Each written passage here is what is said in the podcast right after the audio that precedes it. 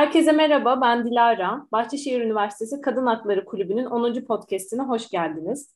Hem yeni sezonumuzun ilk podcast'i olacağı için hem de çok değerli bir isimle beraber olduğum için çok heyecanlıyım. Bülent Hocam hoş geldiniz. Nasılsınız? Hoş bulduk Büşra'cığım. Çok teşekkür ederim. Sen nasılsın? Ben de çok iyiyim hocam. Çok teşekkür ederim. Bugün sizinle çok önemli bir konu hakkında konuşmak istiyorum. Hepimizin bildiği üzere Ekim ayı meme kanseri farkındalık ayı olarak geçiyor. Meme kanseri dediğimizde de erken teşhis ve tarama bu süreçteki iki anahtar kelime. Hocam hem bu olguların önemini hem de kısaca meme kanserini bize anlatabilir misiniz? Büşra'cığım öncelikle sana teşekkür ediyorum. Sebebi ise e, bu konuda duyarlılık gösterdiğiniz için hem üniversitenize hem size kulübünüze teşekkür ediyorum. E, bildiğiniz üzere e, meme kanseri farkındalık ayı Dünya Sağlık Örgütü tarafından tüm dünyada Ekim ayı boyunca çeşitli sempozyumlarda kutlanıyor. Ülkemizde de özellikle bu son birkaç yılda bilinçlendirme adı altında bir sürü toplantı yapılıyor. Tüm dünyada ortalama 8 kadında bir. Ülkemizde de ortalama 8 kadında birinde maalesef meme kanseri görülüyor. Meme kanseri memede bulunan süt kanalları ya da süt üreten bezlerin kontrolsüz ve etrafı tutacak şekilde anormal büyümesiyle oluşur. Hı hı. Bu meme kanserinde önemli olay erken teşhis. Çünkü meme kanseri erken teşhis edildiğinde %90 oranında tedaviye cevap veriyor. Bunda tabii erken teşhisin ilk e, olgusu da kişinin kendi kendine meme muayenesi. Meme kanserinin erken teşhisi için en önemli ve ilk önemli adımdır. Hocam kendi kendine meme muayenesi demişken bunu biraz daha detaylı olarak anlatabilir misiniz? Yani kendi kendine meme muayenesi nasıl yapılır? Muayenemiz sırasında elimize bir kitle geldiğinde nasıl bir rota belirlemeliyiz? Şöyle ki e, biliyorsunuz kadınların özel durumu oluyor. Her ay e, adet görüyorlar. E, kendi kendine meme muayenesi derken bu adet döneminden sonra, adet bittikten sonra 3 ila 5. günden sonra kişinin tercihen banyodan sonra ayna karşısında memesini muayene etmesidir. Saat yönünün şeklinde meme başından dışarı ve içe doğru tüm memeyi kapsayacak şekilde elinizle muayene etmesi. Mümkünse bir yağ veya sabunla olması kayganlığı artırıcı için daha çok tercih edilebilir. Hı hı. Eğer adet görünmüyorsa yani menopoza girmişse de kişi kendini bir gün saptamalı. Örneğin e, her ayın birinde, her ayın beşinde neyse ortalama hep aynı günde kendi kendine muayene edebilir. Muayenede e, ciltte çekilme, meme başında çekilme, kızarıklık, ödem olması, meme başında akıntı olması durumunda alarma geçmeli ve mutlaka en yakın cerraha, meme bu konulardan anlayan cerraha başvurmalıdır. Hı hı.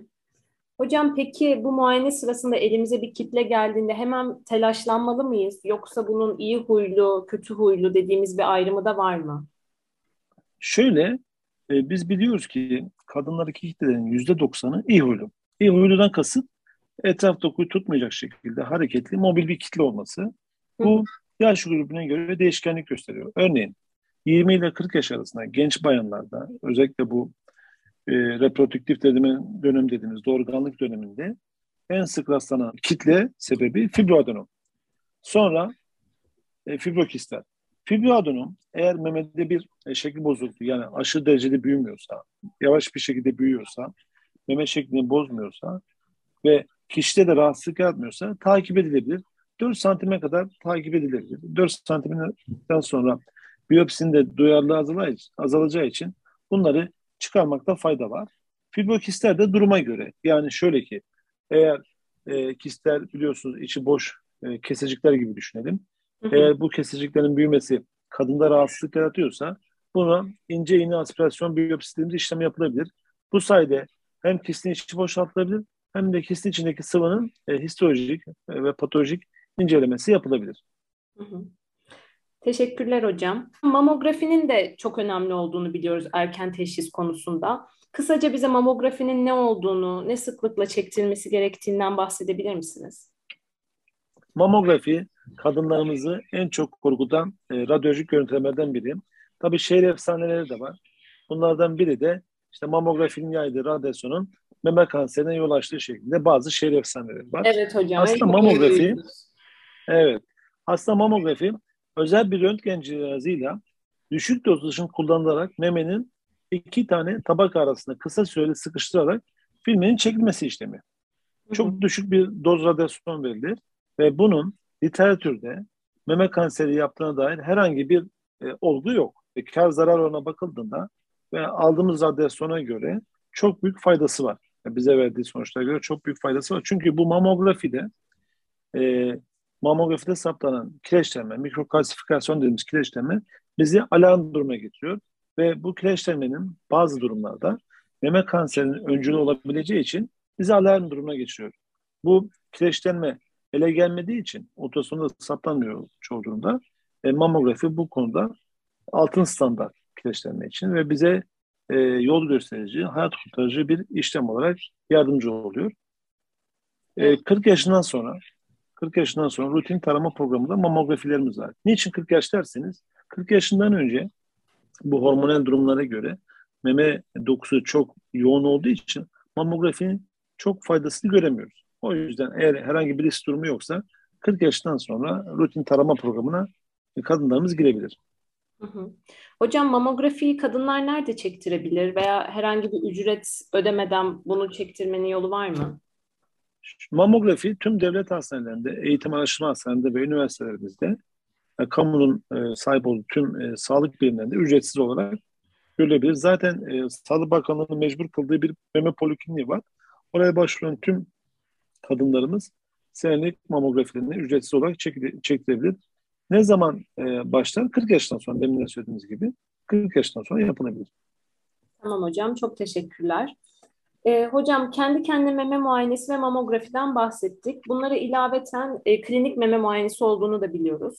Kadınlar ne sıklıkla klinik meme muayenesi yaptırmalı e, ve bunun için hangi doktora başvurmalılar? Yani kendi kendine meme muayenesi 20 yaştan sonra her kadın yapması gereken bir işlem aslında. Eğer ailede bir risk grubu yoksa o zaman 40 yaşından sonra mamografi e, programına girebilir. E, eğer ailede 40 yaşından önce bir meme kanseri hastalanmışsa bundan 10 sene önce örneğin e, örnek vermek gerekirse 40 yaşında aile birinde meme kanseri varsa o zaman bu hastanın 30 yaşından sonra tarama programına girmesi faydalı olabilir. E, hangi doktorlara başvurabilir? Biliyorsunuz e, ülkemizde meme cerrahi diye bir yan dal yok. O yüzden genel cerrahi ana bilim dalında bu işe gönül vermiş, bu işte yakında ilgilenen e, genel cerrahi e, doktorlarına başvurabilirler. Hocam birinci derece yakınlarımızda meme kanseri hikayesi varsa nasıl bir önlem almalıyız? Şöyle ki biz biliyoruz ki meme kanseri yüzde doksan ilk defa o bireyde ortaya çıkıyor. Bundan bunu söylerken ne demek istiyoruz? Yani ailesel yatkınlık yüzde on durumda ortaya çıkıyor. Bu e, biliyorsunuz Angelina Jolie efekti var. BRCA denilen bir gen mutasyonu var. Eğer ailede bir, bu da toplumun yüzde onlu kadar, yüzde onunda görülüyor. Eğer ailesel bir yatkınlık yoksa normal rutin tarama programına girebilir. Ama ailede bir yatkınlık varsa, örneğin annede, teyzede, teyzenin kızında yani kuzende bir meme kanseri, rahim kanseri, pankreas kanseri veyahut mesane kanseri veya erkekte meme kanseri bunlar görülürse herhangi üç bireyde o zaman bunlara bir gen araştırması yapılması gerekir. Ve bu hastalara eğer bir doğum düşünülmüyorsa, menopoza da girmişse bir histerektomi dediğimiz rahimin alınması ve meme içinin boşaltılması önerilebilir. Çünkü biz biliyoruz ki bu hastalarda 70 yaşına kadar meme kanseri veya rahim kanseri gelişme olası %70 oranında bu risk mevcut. %90'da meme kanseri genetik bir köken almadığını söylediniz. Ee, evet. Peki meme kanserinin riskini arttıran şeyler nedir o zaman? Veya meme kanserinden korunmak için neler yapabiliriz? Yani şöyle, e, meme kanseri e, eğer erken adet görmüşse, çünkü bu östrojenin proliferatif etkisi dediğimiz hücre çoğaltma etkisi olduğu için erken menaj, yani erken adet görme, geç menopoza girme, doğum yapmama, e, bu e, batı tarzı besleme dediğimiz yağlı besleme, e, stres tabii ki stres, sigara ve aşırı derecede alkol tüketimi bunlar meme kanserinin risk faktörleri. Hocam bir toparlayacak olursak, e, günümüz tedavi yöntemleriyle meme kanserinin artık ölümcü bir hastalık değil de kronik bir hastalık olduğunu belki de söyleyebiliriz. E, siz bu konuda ne düşünüyorsunuz? Şöyle yine aynı şeyi söylüyoruz. E, erken teşhis hayat kurtarır. Evet. E, maalesef ülkemizde de dünyada da belki öyle. Bu e, doktora gelme veya doktordan korkma sosyoekonomik ve kültürel e, düzeyden bağımsız olarak farklı. Yani okumuşu da okumamışı da eline bir şey geldiğinde, memesine bir şey olduğunda ay bu kanser çıkmasın diye maalesef doktora gelmiyor. Ama şundan tüm kadınlarımız emin olsun ki meme kanseri erken teşhis edilen tabii ki bazı sub gruplar hariç ama %90 oranında hayat kurtarıcı. Yani %90 oranında bu hastalığı atlatabiliyorlar. Özellikle birinci evre meme kanserlerinde. O yüzden ertelemesinler, korkmasınlar ve üşenmesinler. Her ay bir kere kendi kendine muayene etsinler. Hı hı. Her senede bir mutlaka doktora gelsinler ve ellerine meme muayenesine eline bir şey geldiğinde mutlaka bir meme cerrahi uzmanına başvursunlar. Kesinlikle hocam. Aslında yani bizim bugün sizinle buluşmamızın temel hedefi de insanları biraz daha bunun farkındalığını oluşturmaktı. Umarım amacımıza evet. da ulaşabiliriz. Evet, her zaman dediğimiz gibi erken teşhis hayat kurtarır. Evet hocam, kesinlikle. Ee, çok teşekkür ediyorum. Ee, ben teşekkür ederim için, bugün buluştuğumuz için. Her zaman. Çok, çok faydalı çok oldu hocam. Çok teşekkür ederim. İyi akşamlar diliyorum size. İyi akşamlar, görüşmek üzere.